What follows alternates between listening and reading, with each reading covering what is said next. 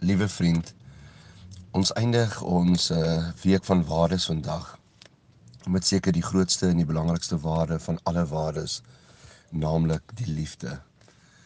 Die liefde, vriende, is ehm um, dit is vir ewig. Dit het vir altyd bestaan, dit sal vir altyd bestaan. Dis 'n baie interessante entiteit. Dit word oorgegee van een generasie na die volgende generasie. Van die een handdruk na die ander handdruk van die een druk na die ander druk, van die een soen na die ander soen. Hoekom sal dit vir ewig bly bestaan? Want dit is deel van wie God is. Um God is liefde en omdat God altyd sal bestaan, sal die liefde altyd bestaan. Daarom sal jy sien dat die liefde sal altyd seëvier. Um 1 Korintiërs 13 sê dit so mooi. Um wanneer hy sê die liefde bedek alles en hoop alles en glo alles. Die liefde sal op die ou end oorwin. Maak nie saak in watter situasie ehm um, jy te staan kom nie. En daarom wil ek vandag met u kom praat oor die liefde. Iemand het eendag gevra van nie wat is liefde? Ware liefde is om iemand anders die lewe te gee. Dis die kortste definisie van liefde waarna ek kan dink is om iemand anders die lewe te gee. En daarom het Christus vir ons kom lewe gee en kies hy telke male vir die lewe want dit is liefde. Baie interessant dat ehm um, toe God ons geskape het, iemand het ook al vir my vra hoekom het God ons nie geskape sodat ons nie sonde kon doen nie, sodat ons nie daai virus op God se harde skyf laat inkom het nie. En dat ons mos vandag sonder enige fout gesit. Dis mos dan ehm um, amper in hakies God se skuld dat die wêreld lyk soos dit lyk. Nee vriende, die hoogste vorm van liefde is toe ons Skepper, naamlik God, ons geskep het met 'n vrye keuse. As hy ons soos robotjies gemaak het wat hom net sou volg, was dit nie wie God was nie. God kon nie anders as om te skep nie omdat hy soveel liefde in hom gehad het. En God kon nie anders om te skep die mens wie hy geskep het met 'n vrye keuse nie. Daarin lê God se grootste grootste liefde vir jou vandag dat jy kan kies.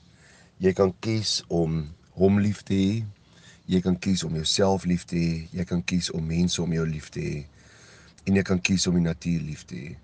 En die oomblik wanneer jy dit doen, dan het God sy wil, sy volkomme wil in jou bereik. En daarom wanneer jy ver oggend na hierdie opname luister en kies om lief te hê, beteken dit dat dat jy aan God al die eer gee. Want dan is dit op die ou end wat God met ons lewens bedoel het. Hy het ons gemaak met 'n keuse, maar ons kies nou vir hom en nie teen hom nie. En daarom, liewe vriend, sê Romeine 13 dit so mooi. Ehm um, jy moet altyd onthou 1 Korintiërs 13 gaan oor die liefde. Romeine 13 gaan ook oor die liefde. Waar hy staan, julle moet niemand iets verskuldig wees nie behalwe om mekaar lief te hê. En dan sê hy dit so mooi, die wie mense om hom lief hê, vervul die hele wet. So vriende, as jy vir God liefhet en mense om jou liefhet, dan moet jy weet dan hoef jy nie aandag te gee aan ander klein wetjies of hierdie ehm um, bose gees of hierdie duiweltjie en agter elke bosse bose geeste wil uitskop nie. As jy vir God met jou wese liefhet en daarom ook mense om jou dien en met jou wese liefhet, vervul jy die hele wet. En dan moet jy weet, dan is jy waar God jou wil hê. En hierdie liefde, vriende, is om te akkommodeer. Hierdie liefde is om te verstaan. Hierdie liefde is om te vergewe.